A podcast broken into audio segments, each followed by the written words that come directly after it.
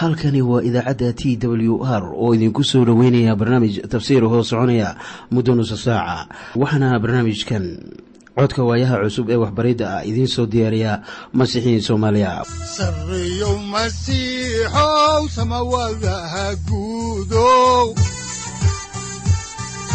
Siraadkii adduunkow subanaha eebow sareyow masiixow samawadaha guudow siraadkii adduunkow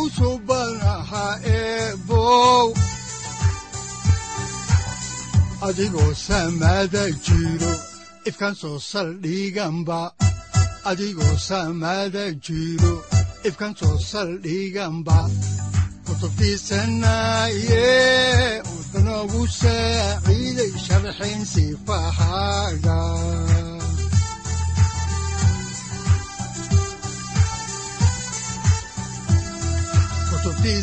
kutubtiisinayow ebanagu saaciid sharxayn sifahaaga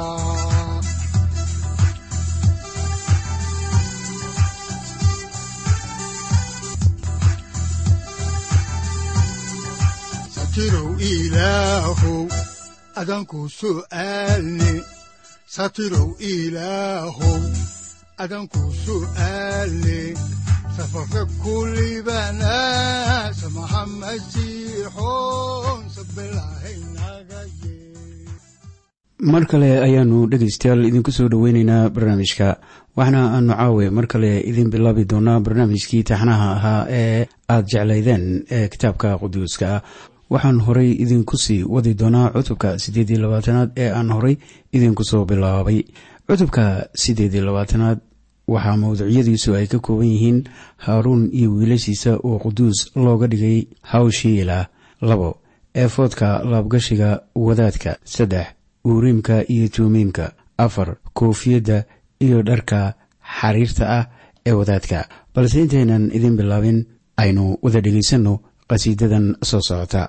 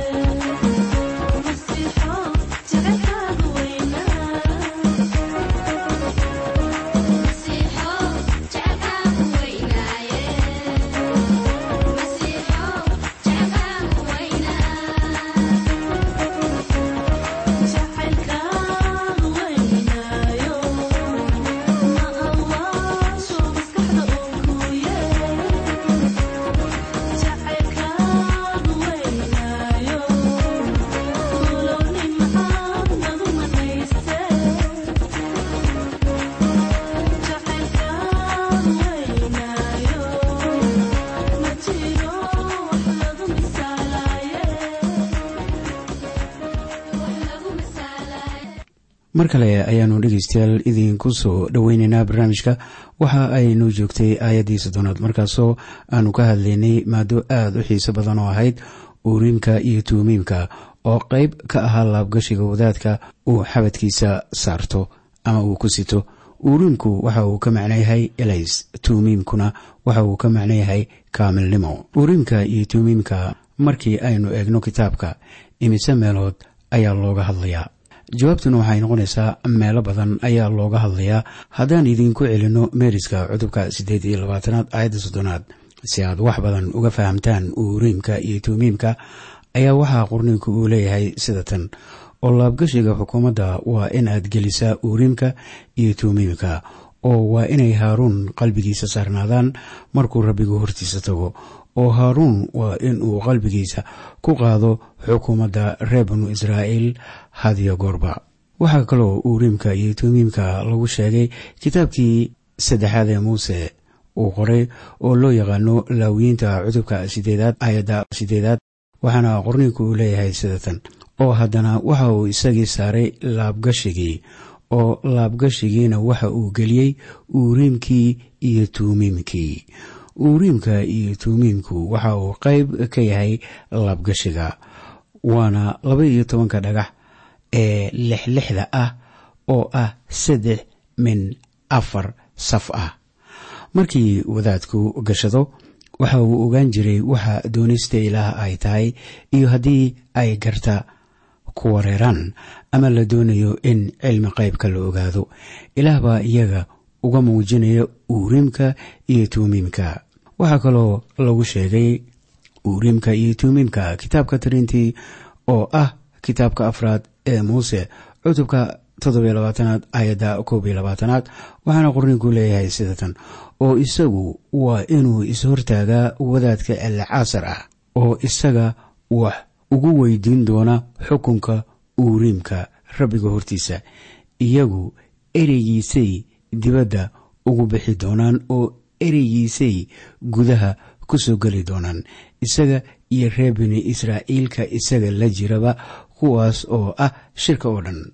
Haddaba qofka is-hortaagaya uuriimka iyo tuumiimka waxau ahaa yeshuuca oo isagu beddelayay nebi muuse markasta uu doonayo inuu ogaado doonista ilaah waxa uu u imanayaa wadaadka elcaasar ah oo isaga ayaa wax weydiinaya. Wadaadkuna laabta ayaa uu soo gashanayaa uuriimka iyo tuumiimka markaasuu u sheegayaa wixii cilmi qayb ku ahaa iyo sida wax la yeelayo. Weli waxaanu ku jirnaa haddaba halka uuriimka iyo tuumiimka ay kaga qoran yihiin qorninka. Waxaana haatan aanu eegeynaa kitaabkii koowaad ee samueel cutubka sideed iyo labaatanaad aayadda lixaad waxaana qoran sidatan oo saa-uulna markuu rabbiga wax weydiistay rabbiga uma uu jawaabin oo riyooyinna iyo uuriim iyo nebiyo midnaba uguma jawaabin. Markan waxay ahayd wakhtigii ilaah u caraysnaa boqorkii koowaad ee israa'iil oo la oran jiray saa'uul oo doonayey inuu ilaah la hadlo. Isagu wuxuu horay u laayay wadaadadii rabbiga waxaana uu haatan doonayaa in ilaah wax u sheego waana loo diiday in loogu jawaabo riyooyin iyo uuriim iyo nebiyo midnaba. Habase yeeshee ilaah waxa uu jeclaa daa'uud oo markii daa'uud ay wadaadadii u dhiibeen uuriimka iyo tuuriimka ee uu ka baxsanayey saa'uul oo uu laabta gashaday ilaa wuu la hadlay oo wuu u jawaabay sidii uu u sheegay ayayna noqotay. Maadaama aynu haddaba eegayno. Meelaha uuriimka uga qoran yahay kitaabka ayaan la soo kala baxaynaa kitaabka koowaad ee samu'eel cutubka saddex iyo labaatanaad aayadaha sagaal ilaa labaiyo toban waxaana qoran sidatan oo daa'uudna wuu ogaa in saa'uul balaayo la damacsan yahay.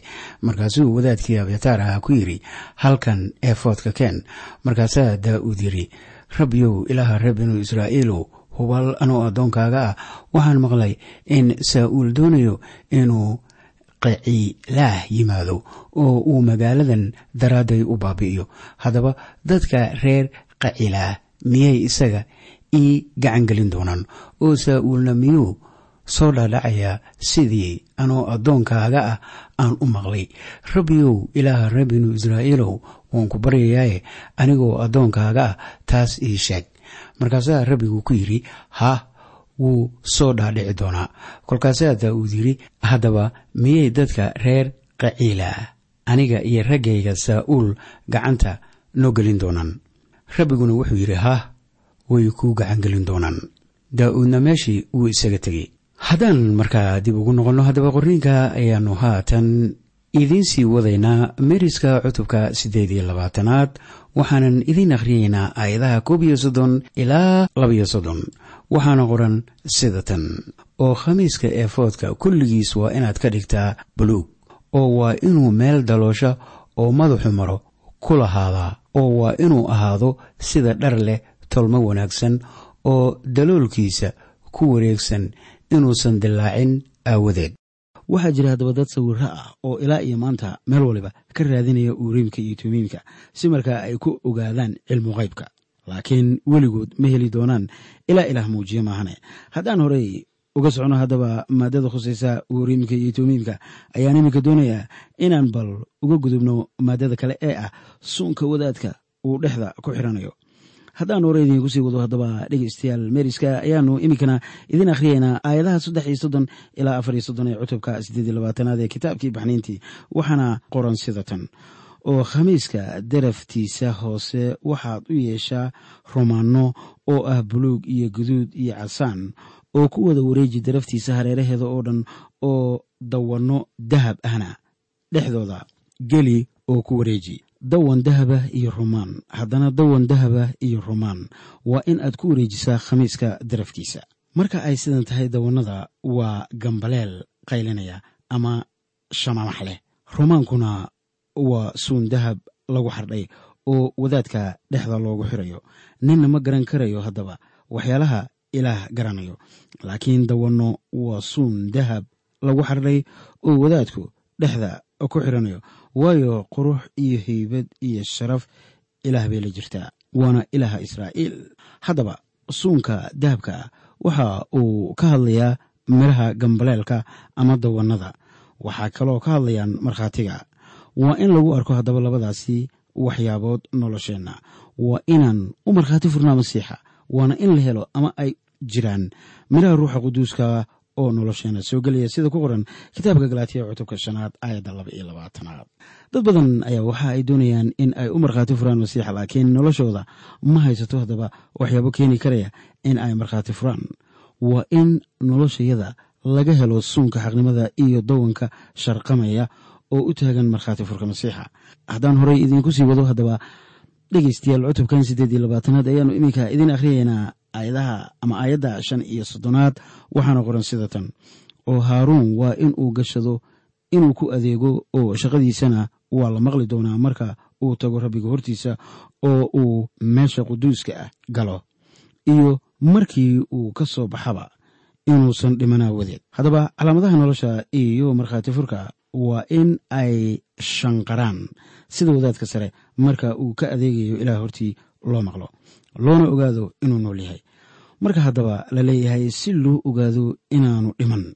Ayaa taas u dhigmaysaa oo loo muujinayaa haddii sida toosan uusan u adeegin in ilaah wax ku dhufanayo oo uu dhimanayo. Haddaan hore idiinku sii wado haddaba cutubka siddeed iyo labaatanaad aayadaha lix iyo soddon ilaa siddeed iyo soddon ayaa waxaa qoran sida tan. Oo waa in aad samaysaa waslad khafiifa oo dahab saafi ah waxaana aad ku xaradhaa xararhka u eg xararka shaabadeeda oo leh waa u quduus rabbiga oo waa in aad ku xidhaa shalash buluug ah oo ku dhejisaa duubka oo duubka intiisa hore ha ku taallo oo ha ku taallo haaruun foodiisa oo haaruun baa qaadi doona dembiga alaabta quduuska ah ee ay reer binu israa'iil quduus kaga dhigi doonaan hadiyadahooda quduuska ah oo mar kasta waxa ay ku ooli doontaa foodiisa in iyaga laga aqbalo rabbiga hortiisa. Haddaba dharkaas ayaa waxa ay ka soocaysaa wadaadka sare wadaadada kale ee macbudka ka adeegaya oo quruxda dharkiisa waxa ay u taagan tahay masiixa imanaya oo ah mid dembilyaasha ka soocan oo quduusa oo aan iin iyo eed toona lahayn. Waxa uu ku dhintay dunidan si uu inoo badbaadiyo wuxuuna iminka ku nool yahay ama joogaa. Gacanta midiga ilaah isaga oo inoo ducaynaya oo welibana suuragal ka dhigaya badbaadadeenna. Haddaan horey idinku sii wado haddaba dhegeystayaal meeriska ayaanu iminka soo dhammaystiraynaa cutubka siddeed iyo labaatanaad. Waxaana hoos aanu u soo aadaynaa aayadaha sagaal iyo soddon ilaa saddex iyo afartan. Waxaana qoran oo qorninku leeyahay sida tan. Oo jubbadda marada wanaagsan laga sameeyey waa in aad daabacdaa oo waa inaad duub ka samaysaa maro wanaagsan oo dhexidh ah inaad ka samaysaa daabac oo wiilasha haaruun waa inaad u samaysaa jubbado iyo dhexidho iyo duubab iyagu ha u ahaadeen ammaan iyo qurux. Oo waxaad dharkaas u labistaa walaalka haaruun iyo wiilashiisa la joogaba oo waa inaad iyaga subagtaa oo daahirisaa oo quduus ka dhigtaa. Inay iiga adeegaan howsha wadaadnimada oo waa inaad iyaga u samaysaa sirwaallo maro wanaagsan ah oo gaadha dhexdooda ilaa boodyahooda oo ay ku qaryaan cawradooda haaruun iyo wiilashiisu waa in ay gashadaan marka ay galayaan haddaba taambuugga shirka ama marka ay meesha allabariga u dhowaadaan inay ka dhex adeegaan meesha quduuska ah. Inaanay dembi qaadin oo dhiman. Waxay isaga iyo farcankiisa ka dambeeyaba ku noqon doontaa qaynuun weligiisa. Ilaa waxa uu necab yahay haddaba qaawanaanta aadmiga. Waxa uu doonayaa in dadku hortiisa ay ku asturnaadaan oo sharaf iyo heybad ku lahaadaan. Haddaan intaa haddaba kaga baxno cutubkii siddeed iyo labaatanaad ee kitaabka baxniintii oo ah kitaabkii labaad ee nebi muuse ayaannu iminka si dawaaliya idinku bilaabaynaa cutubka sagaal iyo labaatanaad. Mawduuca cutubkan uu ka hadlayana waxa weeye allabariga iyo shirka loo qabanayo in wadaadka sare lagu caleemo saaro ama quduus looga dhigo wadaadnimadiisa iyo allabariga gumniinka waxa kale oo looga hadlayaa ballanka ilaah ee ah in uu dhex joogi doono reer binu israa'iil waxaase aan ku horumaraynaa maadada ah quduuska dhigidda wadaadka sare. Cutubka sagaal iyo labaatanaad waa cutub aad u dheer oo isaga oo dhanna xiise weyn.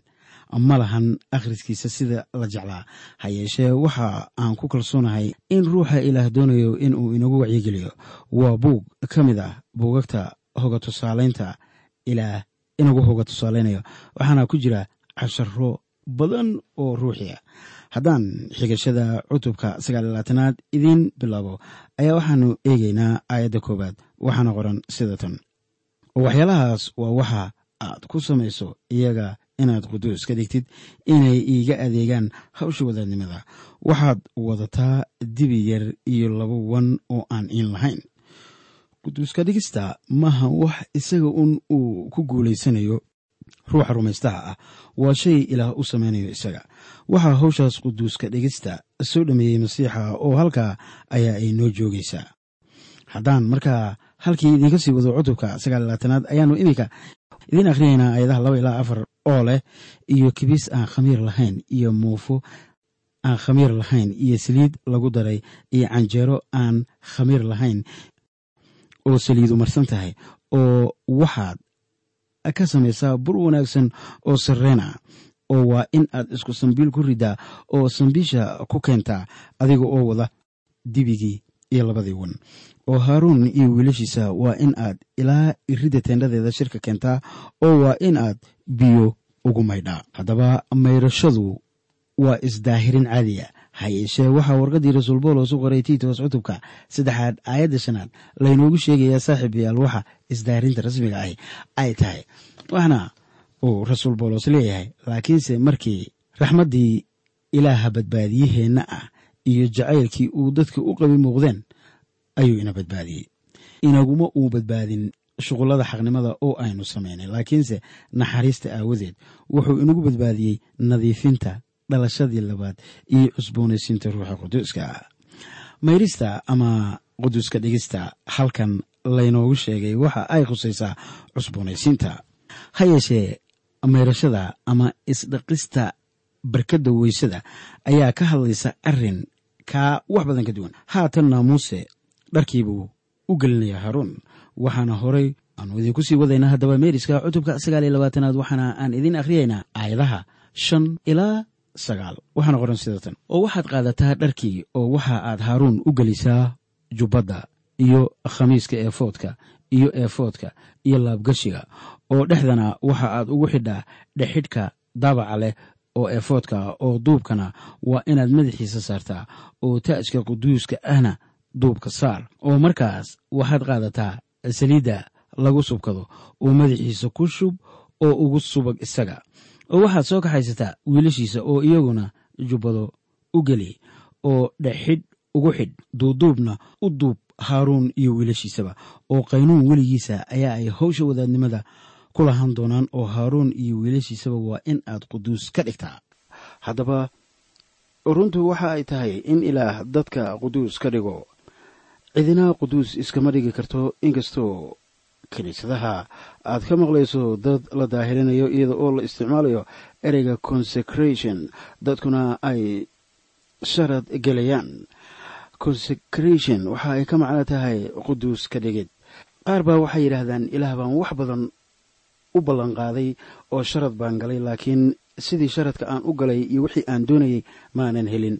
Balse waa habboon tahay dadku in ay gartaan ilaah in uu quduus inaga dhigi karo laakiin innagu aynaan iska dhigi karin.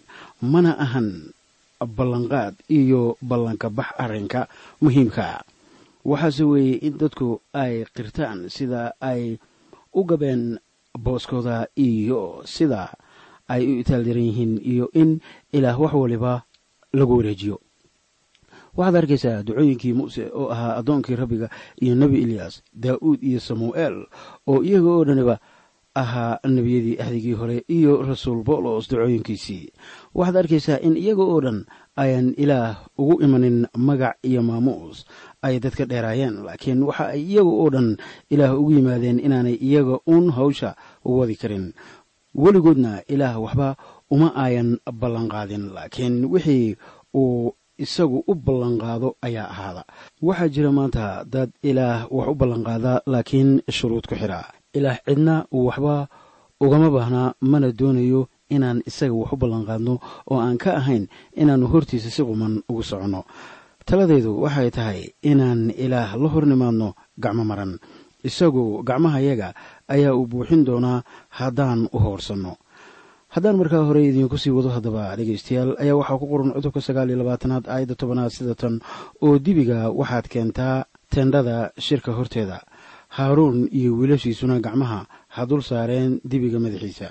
Wadaadka sare iyo qoyskiisu waxa ay gacmahooda saarayaan dhiigga dibiga.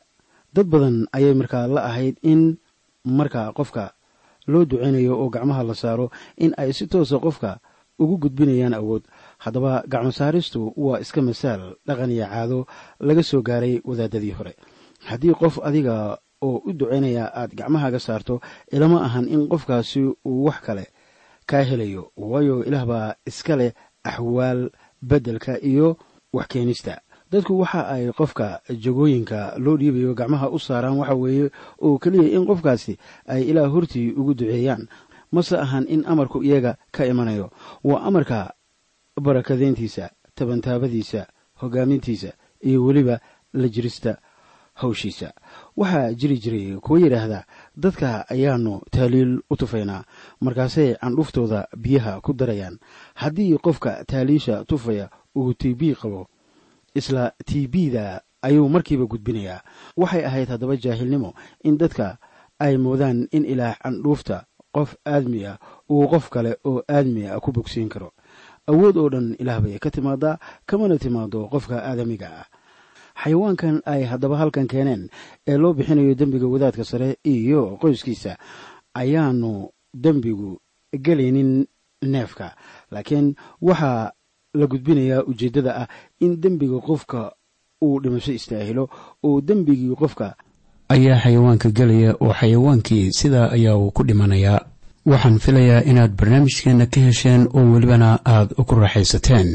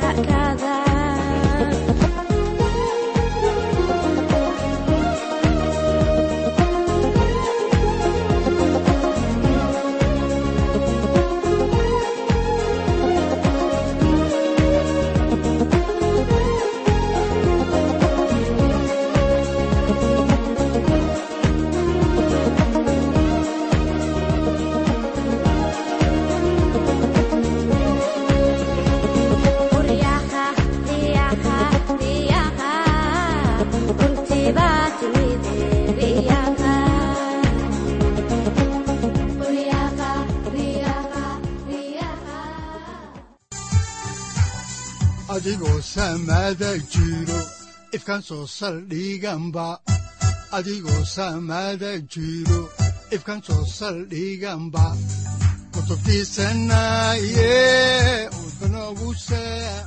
halkani waa t w r idaacadda t w r oo idinku leh ilaa ha idin barakeeyo oo ha idinku anfaco wixii aad caawi ka maqasheen barnaamijka. Waxaa barnaamijkan oo kalea aad ka maqli doontaan habeen dambe hadahan oo kale haddiise aad doonaysaan in aad fikirkiina ka dhiibataan wixii aad caawi maqasheen ayaad nagala soo xiriiri kartaan som t w r at t w r c o k e. Haddii aad doonaysaan in aad dejiisataan oo kaydsataan barnaamijka ama aad mar kale dhegaysataan fadlan mar kale booqo www t w r o r g. Amase waxaad teleefoonkaaga ku kaydsataa ama ku download garaysataa agabyada ku sahli karaa dhegeysiga t w r haddii aad doonayso in laga kaalmeeyo dhinacyada fahamka kitaabka amase aad u baahan tahay duco fadlan fariimahaaga soo mari bogga aaraahda ama kommentska inana jawaab degdeg ah ayaanu ku soo diri doonaa amase ku siin doonaaye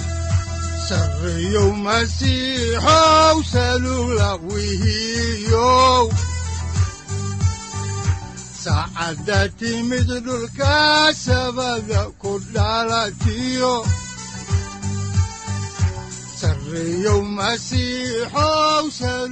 halkani waa t w r oo idiin rajaynaya habeen baraare iyo barwaaqaba leh. Inta aynu ka gaari doono wakhti aynu ku kulanno barnaamij la mida kan caawayay aad maqasheen. Waxa aan idinku leeyahay nabadda ciise masiix ha idinku badato xagga jidhka iyo ruuxaba. Aamiin